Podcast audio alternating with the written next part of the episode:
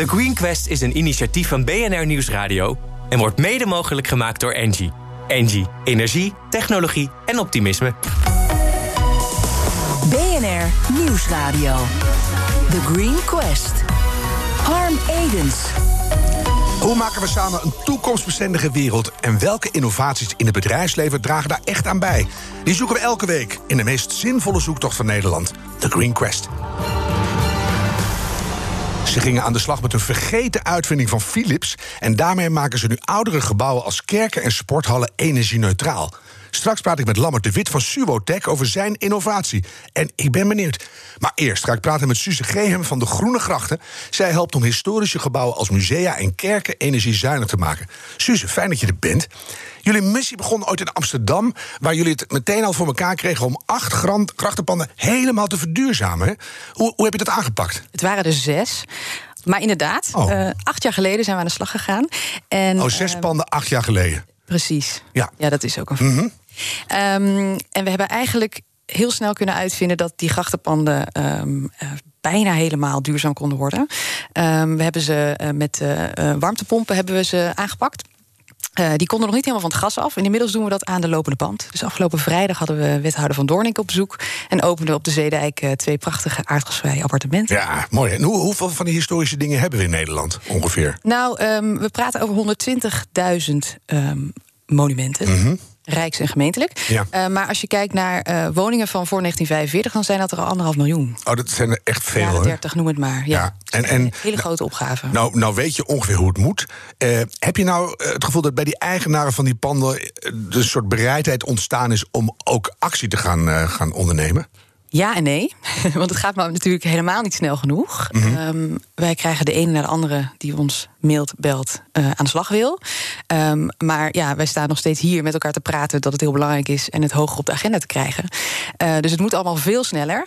Maar ja, we zijn zelfs nu bezig met de binnenstad van Amsterdam om die echt eh, van, van Red Light naar Green Light District te transformeren. Wauw. Ja, dat zijn wel Zeg, echt. de goede teksten zijn dat. Nou toch? Ja, Green Light District, it. Ja, En wat dus zet je nou, dan achter de Iedereen mag ook echt letterlijk langskomen. Maar dan nou, moet er we- wel in de etalage zitten natuurlijk alle duurzame oplossingen. Oh, ja, van groene daken tot aan. Ik weet niet of En het, enorm gaat trekken hoor. Maar, Nou, eh, ik zou zeggen, kom langs en dan ga je het meemaken. maar eh, als je naar zo'n groot pand kijkt, hè, een beetje fatsoenlijk grachtenpand, eh, waar ook nog mensen in wonen, dan lijkt het me een gigantische klus om dat te verduurzamen. En ook heel duur. Ja, nou, dat, eh, dat ligt dus heel erg aan de situatie. Mhm. Want ieder pand is, is uniek. En je moet gewoon kijken wat je kan doen aan isolatie, vervolgens aan de energieopwekking. Er zijn heel veel andere thema's die vaak vergeten worden. Neem bijvoorbeeld die kerken.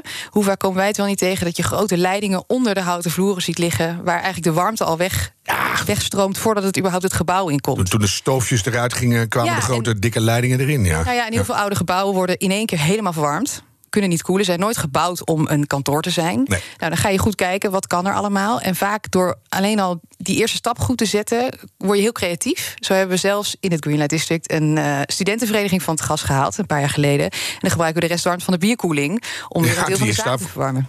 In overvloeden aanwezig natuurlijk. Precies. Als je nou naar het gemiddelde eeuwenoude gebouw kijkt, en wat is dan de grootste uitdaging als het om eh, energiezuinig gaat? Nou, kijk, als je duurzaam wil gaan verwarmen, dan moet je een bepaalde mate van isolatie gaan vinden. Nou, dat is belangrijk. Ehm, daarbij wordt koelen natuurlijk een veel groter vraagstuk. Heel veel van die gebouwen zijn daar ook helemaal niet op ingericht. Nee. En zo zoeken we dus steeds naar, naar eh, mogelijkheden die ook die toekomstvraag meenemen. Nu, het gaat, daar ga je het straks ook over hebben. Het gaat over een gezond binnenklimaat. Ja. een veel breder onderwerp. We zijn nu bezig met monumentale scholen die nu een probleem hebben. Want de ventilatie is niet op orde. Nee. Ehm, neem het kaderherstel hier in Amsterdam. Ook een thema wat we binnen Greenlight District Wat aanpakken. ook steeds meer voor het voetlicht komt. 200 kilometer aan kwetsbare. Ja, ja. Waarvan 10 echt ongeveer op instorten staan. En één al naar beneden gekomen is. Ja, precies. En dat moet je dus, dan kan je gaan bedenken, dat gaan we gewoon renoveren. Maar als je die twee enorme uitdagingen hebt en je hebt een kans om in de binnenstad van Amsterdam meteen de bodem in te gaan en het water, is natuurlijk een geweldige combinatie. Maar het is allemaal groter kijken, groot aanpakken Precies. en, en Dus we moedig aan de voorwaarts ene kant, treden. we doen alles wat we nu kunnen. Met, van kleine appartementen, de ene met infrarood, de andere met een warmtepomp. Tot aan eh, echt grootschalig met z'n allen een heel bronnet ontwerpen. Want het Ja. moet van beide kanten komen. En als we gaan wachten tot over 20 jaar dat is uitgedacht, dan zijn we te laat. Dan zijn we, er- we hebben nog tien jaar ongeveer. Hè? Dus ja, dus iedereen moet ook lekker aan de slag gaan. En het is ook leuk en het kan ook. Maar ik kan me voorstellen, eh grachtenpand is één ding. Hele grote scholen, hele grote andere gebouwen is alweer een ander verhaal. Maar een 12e eeuws kasteel krijg je niet helemaal energie-neutraal, hè? Ehm, we zijn overigens bezig met landgoederen. En we hebben ook een. ja, ja, je zal je van Het leuke, ik ken er eentje bij Zwolle, dat is gelukt. Ja, nou ja, en je, uh, je zult je. Kijk. Uh, het leuke aan dat soort plekken is, we zijn met Paleis Soesdijk bijvoorbeeld ook bezig, met de mhm. Zaanse Schans. Het zijn plekken die liggen in, in buitengebied. Je hebt heel veel omliggende ruimte. Dus je kan de ruimte benutten. Je kan daar dingen ehm, doen om het, eh, om het eh, in het plaatje mee te nemen. je kan pand voor pand gaan kijken, hoe los je het op. Maar je kan beter als soort ecosysteem kijken. Hoe kunnen we dat nou, hè, in plaats van drie paneeltjes hier... en dat mag dan net wel. En daar, terwijl als je op een ander dak om de hoek uh, ineens uh, duizend panelen kan leggen... wat we bijvoorbeeld bij de Zaanse hebben... dan, dan pak je een, een uitdaging die je anders iedere keer stap voor stap weer, weer moet weer het wiel, weer het wiel. Weer, terwijl, doe één keer goed het wiel. En dan, ja. ja. En dan ga je ook de omgeving benutten. Uh, water uit een vijver bijvoorbeeld, of noem het maar op. Uh, ja, er zijn heel veel mogelijkheden voor. Ik heb het al eens eerder verteld, denk ik. Maar ik zag ooit een documentaire over een Engelse lord in een heel goed kasteel. Die zei van ja, dit krijgen we niet neutraal. Die had van een elektrische deken een huispak gemaakt. en dan was het gewoon 16 graden en voor de rest goed. Nou ja, precies. Kan ook toch? En dat is ook in kerken. Zie je ook de verwarming. Moet je de hele ruimte verwarmen? Heel erg afhankelijk van de situatie. Of kan je dat heel lokaal? Met stralingswarmte bijvoorbeeld oplossen. Er zijn heel veel verschillende mogelijkheden. En er is dus nu niet een one-size-fits-all oplossing. Nee, en de waardige gelovige, die voelt de kou niet. Uh, is monumentenzorg ook wel eens een spel breken, dat dingen niet mogen? Um, dat, die beleving die, die is er vaak wel bij, uh, bij eigenaren. Uh, wij merken eigenlijk in alle gemeenten waar we aan de slag zijn... dat ze heel graag samen willen werken. Dat ze heel erg op zoek zijn naar wat er wel kan. Mm um, maar ook bij hen is het heel belangrijk dat die kennis op de goede plekken komt. Dus als jij een kleine gemeente hebt, bijvoorbeeld in Waterland... werken we ontzettend leuk samen. Hebben we prachtige rietveldwoningen, stolboerderijen... allemaal helemaal duurzaam gemaakt. Ja. Um, maar er is één iemand en die moet en uh, de vragen van de bewoner beantwoorden... die moet ook de plannen toetsen... en die moet ook dat hele duurzame pakket maar snappen. Ja. Dus je ziet eigenlijk dat we niet alleen een opgave hebben richting alle mensen. Die moeten weten wat kan ik doen en hoe ga ik dat in mijn eigen huis of gebouw toepassen. Maar, ook, heel erg aan de andere kant. Ja. dus we gaan ook uh, over een maandje een soort toolbox lanceren voor de ambtenaar. Uh, die dan allemaal uh, inzichten kan krijgen van nou, hoe kan ik dat nou aanpakken? Kan ik iets in mijn nota's gaan doen? Kan ik een soort van. Ter nou inspiratie, zeg niet meteen nee, maar kijk even mee. Want voor ons het beste, hè, we hebben een aantal jaar geleden dat ook in, hier in Amsterdam gedaan met zonnepanelen. Nou, mhm. dan ben je dat in Amsterdam, heb je daar iets, iets, iets voor elkaar gekregen. Maar dan moet dat in al die, al die andere steden ook in Nederland. En dan, ik vond het wel een eye-opener, het Tropenmuseum. Ik kom er nog wel eens regelmatig. Een gigantische bakstenen put. En, en dat gaan jullie samen met Artis nu in het hele gebied verduurzamen. Ja, nou het leuke is, zij willen ook graag in, in, in tien jaar tijd gewoon helemaal duurzaam zijn. Nou, dan kan je nu hands-on aan de slag je kan je voorstellen, alle lampen in dit gebouw op LED over, dat heeft nogal veel impact. Ja, maar dat, dat, dat kan ik ook nog verzinnen. maar goed, maar goed dus, dus ze zijn nu, stap voor stap, zijn we die kleine dingen aan het doen met elkaar. Mhm. Tegelijkertijd willen ze een hele verwarming en koeling op orde hebben. Ze hebben ook natuurlijk een enorme koelvraag voor het uh, uh, museum. En uh, diezelfde vraag heeft Artis. En Artis en het KIT samen hebben een halve geothermiebron nodig aan energie. Ja. En je kunt je voorstellen, we hebben nu een samenwerking getekend met OLVG, die echt een nog veel grotere energievraag heeft.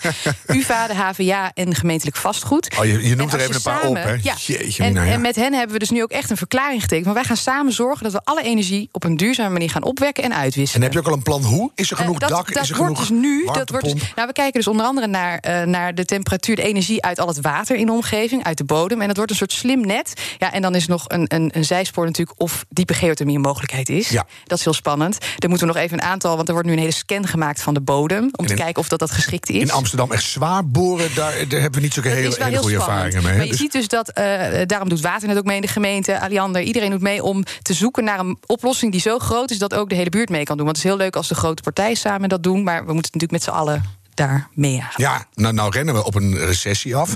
Houdt dat in dat alle subsidie dan ook een beetje aan het verdampen is? Of is er per gemeente een goede pot waar we in kunnen uh, duiken en er wat uithalen voor onszelf. Ja, nou dat, dat proberen we dus ook helemaal in kaart te brengen. Dus in Amsterdam kan je bijvoorbeeld, als je aardgasvrij wil worden, kan je een subsidie krijgen. Overigens kunnen die appartementen ook al uit zonder die subsidie. Mhm. Maar het is wel fijn dat er wat dingen zijn. Uh, op heel veel, uh, in heel veel gemeentes is er bijvoorbeeld voor groene daken een mogelijkheid. We hebben op onze website allemaal informatie. Dus dat kan je dan allemaal zien. Ook of je dan bijvoorbeeld een vergunning nodig hebt. Dus ga dan naar de menukaart.nl en dan kan je daar alles. Maar het is dan niet zo makkelijk. Want ik heb van die prachtige gietijzeren verwarmingen. Daar kan gewoon geen laag temperatuur water doorheen. Dus die moeten er allemaal uit. 19 schitterende monumenten verwarmingen. Maar goed, als je nou uh, even terugkijkt, je bent al best flink lang bezig. Ook met Joost Okkel samen. Iedereen die zet zijn schouders eronder. Is er één specifiek project waar jij extra trots op bent? Die zegt op verjaardag, zeg ik, jongens, wat ik nou toch gedaan heb?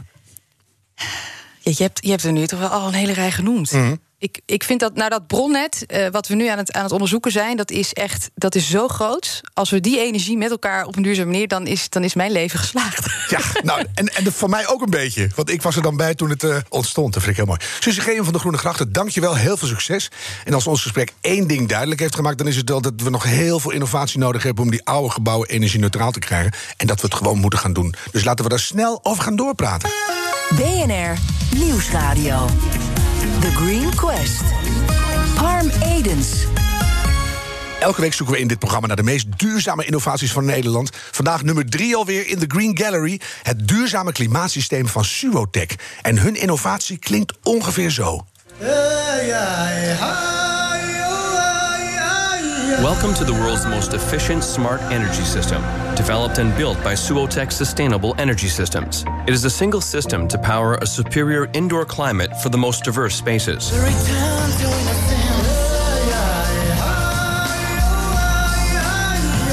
This building complex in the center of the city Rotterdam in the Netherlands reduced natural gas consumption to zero and reduced electricity consumption by more than 70%. Laten we dat oermuziekje even weglopen. Lammert de Wit van Subotech. mooi gevoel geeft dat, Wel hè? mooi, ja, ja zeker. En Ja. eh, Helge van Leur is ook aangeschoven. Kerstvers jurylid. Ja, wat een eer. Ja, wat ook fijn dat je dan nog al zo lang bezig bent... en dat je toch ineens weer kerstvers bent, Helga. Ja, nou, dat, daar gaan we voor. Een beetje slagroom erop klaar. Ja. Lammert, ehm, wil jij aan ons en natuurlijk ook aan de luisteraars uitleggen... wat jullie innovatie precies inhoudt? Ja, dat zal ik even proberen te doen. Eh, onze innovatie is niet eh, één ding, maar het is een systeemoplossing. Wij denken in applicaties.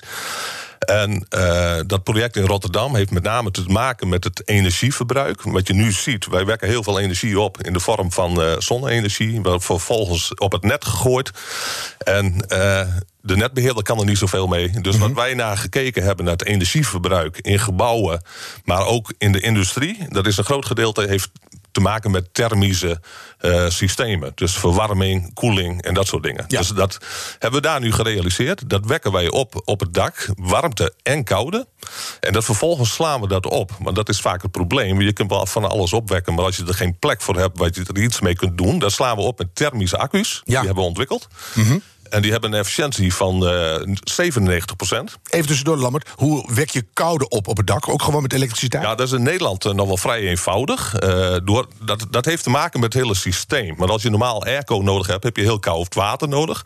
Ons systeem heeft niet heel koud water nodig. Dat kan met hogere temperatuur werken en nog steeds de koeling realiseren. En dat doen wij voornamelijk s'nachts op Mhm. Ja, dit ja. moment. Aha. En de volgende innovatie waar we nu aan het werken, dat we naar een temperatuurverschil van meer dan 30 graden willen gaan. Dus als het buiten 40 is, dat we nog 10 graden water op kunnen wekken. En dan hebben we gelijk alle airco-systemen eigenlijk bijna wereldwijd overbodig gemaakt. Dus een heel systeem voor eh, koelen en verwarmen. Ja, dus wij denken echt in systemen. Want je, je moet dingen aan elkaar gaan koppelen. De energievraag thermisch is heel erg hoog. Vaak ongeveer wel de helft van het elektriciteitsverbruik. Nou, vervolgens, wij slaan dat op. En dat op een hele efficiënte manier transporteren wij dat door het gebouw. Bestaande gebouwen, bestaande radiatoren, bestaande vloerverwarming. Maar daarnaast hebben we ook een warmtewisselaar ontwikkeld. En wij gebruiken heel veel principes zoals die in de natuur, processen die in de natuur gebruikt worden. Ja. Ja, in de aarde, op de aarde en eromheen. Nou, onze warmtewisselaar zit eigenlijk technologie in die ook door zonnebloemen wordt gebruikt. Dus wij zetten heel efficiënt de transmissie, eh, de warmteomzetting naar gebruik in het gebouw zetten wij om. Zonnebloem is echt een blijvertje hier. Vorige week hadden we al een draaiende bloem met vol zonnepanelen. Ook een zonnebloem, Tour de Sol en nu weer. Ja, dus Ja. Dat, dat zit een deel in het systeem verwerkt. En waardoor je een heel, heel lekker binnenklimaat krijgt. Eigenlijk een heel. eh, ja, als ik iedereen hoor die in dat gebouw komt, die zegt: hé, hey, het voelt heel prettig en natuurlijk aan. Mooi. En dat hebben we ge- eigenlijk gerealiseerd. Ja, dus een heel systeem, Helga. Ik ga, kijk toch even naar jou eerst. Want het is, eh, als je het groot moet zien, best moeilijk om te zeggen... dat is de innovatie, maar met name alles bij elkaar. hè. En dan gaan we zo even op de techniek in. Maar wat is jouw eerste reactie? Nou, mijn eerste reactie was van... kijk, opslag is ons grootste probleem wat we gaan krijgen. Eh, opwekken is eh, niet zo heel moeilijk. En inderdaad, het warmte creëren is een van de grootste uitdagingen. Toen dacht ik, jeetje, als jullie dit nu bedacht hebben... waarom is dat altijd verborgen gebleven? Hoe kan het dat jullie dat nu in één keer boven water krijgen in een Dat moeten we even toelichten. hè, Want jullie gebruiken zogenaamde heat pipes in plaats van zonnepanelen. En dus daar kan je eh, water of gas doorheen leiden en dan verwarmen of dan koel je dat. En dat is een hele oude innovatie van Philips die nooit is doorgebroken. Heb je Frans van Hout op de kop gehouden tot hij eruit viel? Of wat heb je gedaan? Eigenlijk, eigenlijk is dat wel verklaarbaar. De heatpipes is een heel efficiënte manier om warmte te genereren. De, de basisprincipe. Mhm. Eh, Nederland niet interessant, omdat wij altijd gas hadden. Dus eh, gas, de, de energie is dusdanig goedkoop. Ja, dat, je moet dus echt in systemen. En als ik nou een gasketeltje koop en ik zet de kraan open en ik heb verwarming, is mijn probleem opgelost. Ja. Nou, dat is nu een beetje een ander verhaal aan het worden. Wij hebben er wel naar gekeken. Dus de standaard heatpipes gaat vaak tot 70 graden, een beetje geluk naar 80 graden. Nou ja, wij hebben ze de standaard heatpipes opgevoerd naar eh, ongeveer 120 graden. Kijk, dat is ook geschikt voor mijn gietijzige verwarmingen. Absoluut. Dat is het, maar je hebt natuurlijk wel een uitdaging dat je die warmte alleen kan opwekken als de zon er vol op staat. Je hebt natuurlijk nog heel veel delen van het dak waar de schaduw ligt. Ja, dat is, eh, daar zijn we nu mee bezig. Want je zit, eh, als je als systemen door gaat rekenen, zie je dat je 80% eigenlijk heel efficiënt kunt opwekken. Ja, en daarvoor hebben we ook thermische accu's ertussen staan. Want anders gaat het verhaal natuurlijk niet helemaal werken. Dus die thermische accu's die doen de buffer. Maar we kijken daarnaast naar een, een, een ander type heatpipe. Op een andere manier het spectrum van de zon gebruiken. Ja, ja. Waardoor je veel efficiënter houdt. Dus kunnen we water naar 220 graden brengen. Zo. Maar we kunnen ook warmte opwekken als er geen zon is, gewoon bij daglicht. En Maar bij- hoeveel warmte is dat dan? Hoeveel, nou, wat voor winters, temperatuur? als we dan, eh, naar, naar de U, dan gaan we naar de UV-stralen, Mhm. dat deel van het spectrum, de UVA, wat eigenlijk bijna niet gebruikt wordt. Dan kunnen wij nog ongeveer 30 graden water uithalen. Maar in de winter is dat ook niet zo hoog, hè? Nee, maar wel voldoende om dat op te wekken. En als je dat vergelijkt, Lammert, met eh, eh, gewoon de gaskraan open of andere systemen. eh, warmte, gewone warmtepomp, gewone zonnepanelen. Wat is jullie voordeel? Nou, dat wij eh, een, een, een kortere terugverdientijd hebben. Mhm. Ja, veel minder energie gebruiken. Want dat is natuurlijk een beetje het probleem. Onze elektriciteitsnet dat, dat staat alle kanten onder druk. Met name als we heel veel vraag doen met warmtepompen. Ja, in Eh, alle remote areas zijn alle we- energiebedrijven al in paniek. Dus, Wat we gedaan hebben, je ziet in, in je 100% thermisch gebruik, zeg maar verwarming en koeling, in die 100%, ja, dan kun je eigenlijk 80% heel goed organiseren. Ja, die laatste 20% is heel erg kostbaar om dat te organiseren. Ja, daarvoor hebben wij een warmtepomp erbij staan, die alleen draait wanneer het nodig is. ook weer in een systeem gedacht. Zit in het systeem. Ik wil even- kijkt dus even vooruit. ja, die is zelf leren, dat systeem. Dus die kijkt, hey, zit er voldoende energie? En dat is net als je auto, als je tank bijna leeg is. Maar je moet vandaag een stukje rijden en morgen is het benzine gratis. Ik noem maar wat. Ja, is bij mij allemaal heel anders hoor. Want het is allemaal. nou ja, lampje doet maar- het niet en zo. Maar in ieder geval, dan gebruik je alleen dat gedeelte wat je nodig hebt. En dat doen wij eigenlijk net zo. Wij kijken naar de natuurlijke bron, maximaal gebruik en minimaal van het net. Nou, draait het al op de Theologische Hogeschool in Rotterdam? Ja. Eh, Is dat ook een beetje de, de schaal waarin we moeten denken? Want op een gewoon woonhuis klinkt het heel ingewikkeld met al die dingen die je extra nodig hebt. Het, het is niet ingewikkeld. Het is alleen voor een gewoon woonhuis eh, te groot. Je moet echt in, in grotere complexen gaan denken. Maar te groot, want ik begreep dat die accu een kubieke meter is. Nou, die accu is ongeveer eh, drie meter hoog en een, eh, een meter doorsnee ongeveer. En dat gaat dan vergelijkbaar met een elektrische accu 300 eh, kilowattuur in.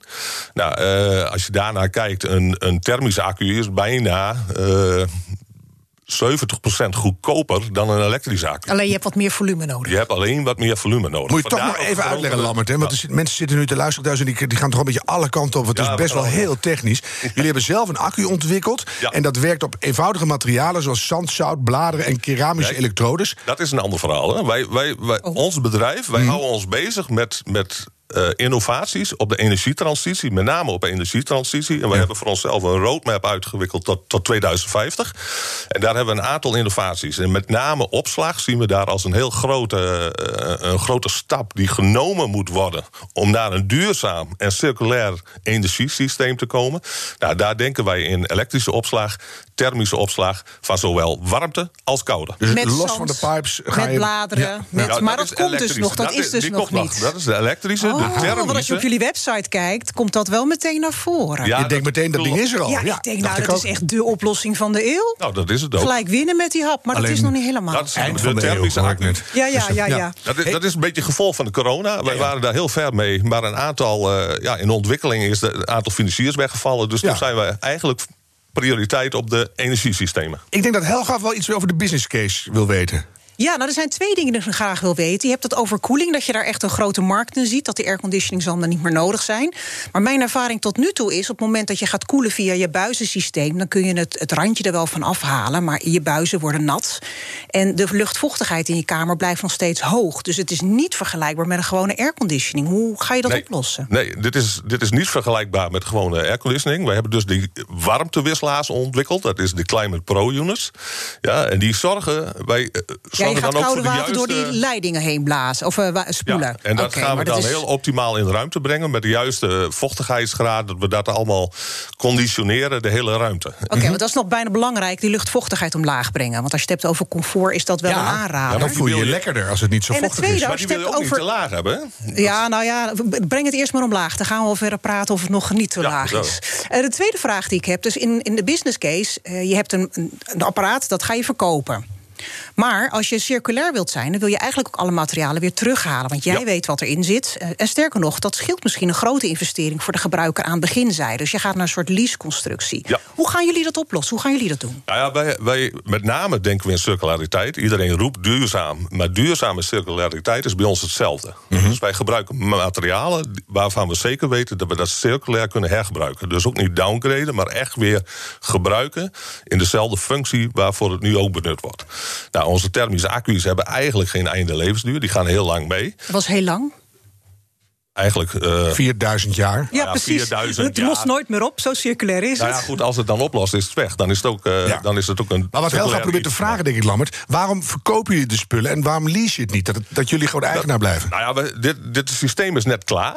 Ja, dus mm -hmm. wij... Uh, verliezen het. In principe is dat wel de bedoeling. Wij zijn de ontwikkelaars. Wij zijn ook niet de installateurs. Dat moeten installateurs gaan doen. Wij leveren de innovatie. Ja, daar blijft het eigenlijk bij. En dat kan als een service weggezet worden. Want daar willen we naartoe. Dat ja. we gewoon warmte en koude leveren. Ik hoor het al eigenlijk. Ja. We moeten uh, jullie heel goed in de gaten gaan houden, Lammert. Want er gebeurt zoveel dat ik zeg veel, van... Ja. Uh, nou, hou ons op de hoogte. En ik ben blij dat je in ieder geval in deze illustere gallery zit. Nou. Want dan kunnen we dat uh, op, de, op, de, op de minuut volgen. Ik ga je enorm bedanken, Lammert de Wit van Subotech. En natuurlijk ook voor de eerste keer Helga van Leur, dankjewel. Heeft jouw bedrijf nou minstens zo belangrijke innovatie? Meld je dan vandaag nog aan voor onze competitie op thegreenquest.nl. En doe dat vooral, want we kunnen best weer wat nieuwe innovaties gebruiken. Deze aflevering terugluisteren kan via de BNR-app, bnr.nl of je favoriete podcastkanaal. En bedenk minstens één keer per week die volhoudbare wereld, die maken wij samen. The Green Quest is een initiatief van BNR Nieuwsradio en wordt mede mogelijk gemaakt door Engie. Engie, energie, technologie en optimisme.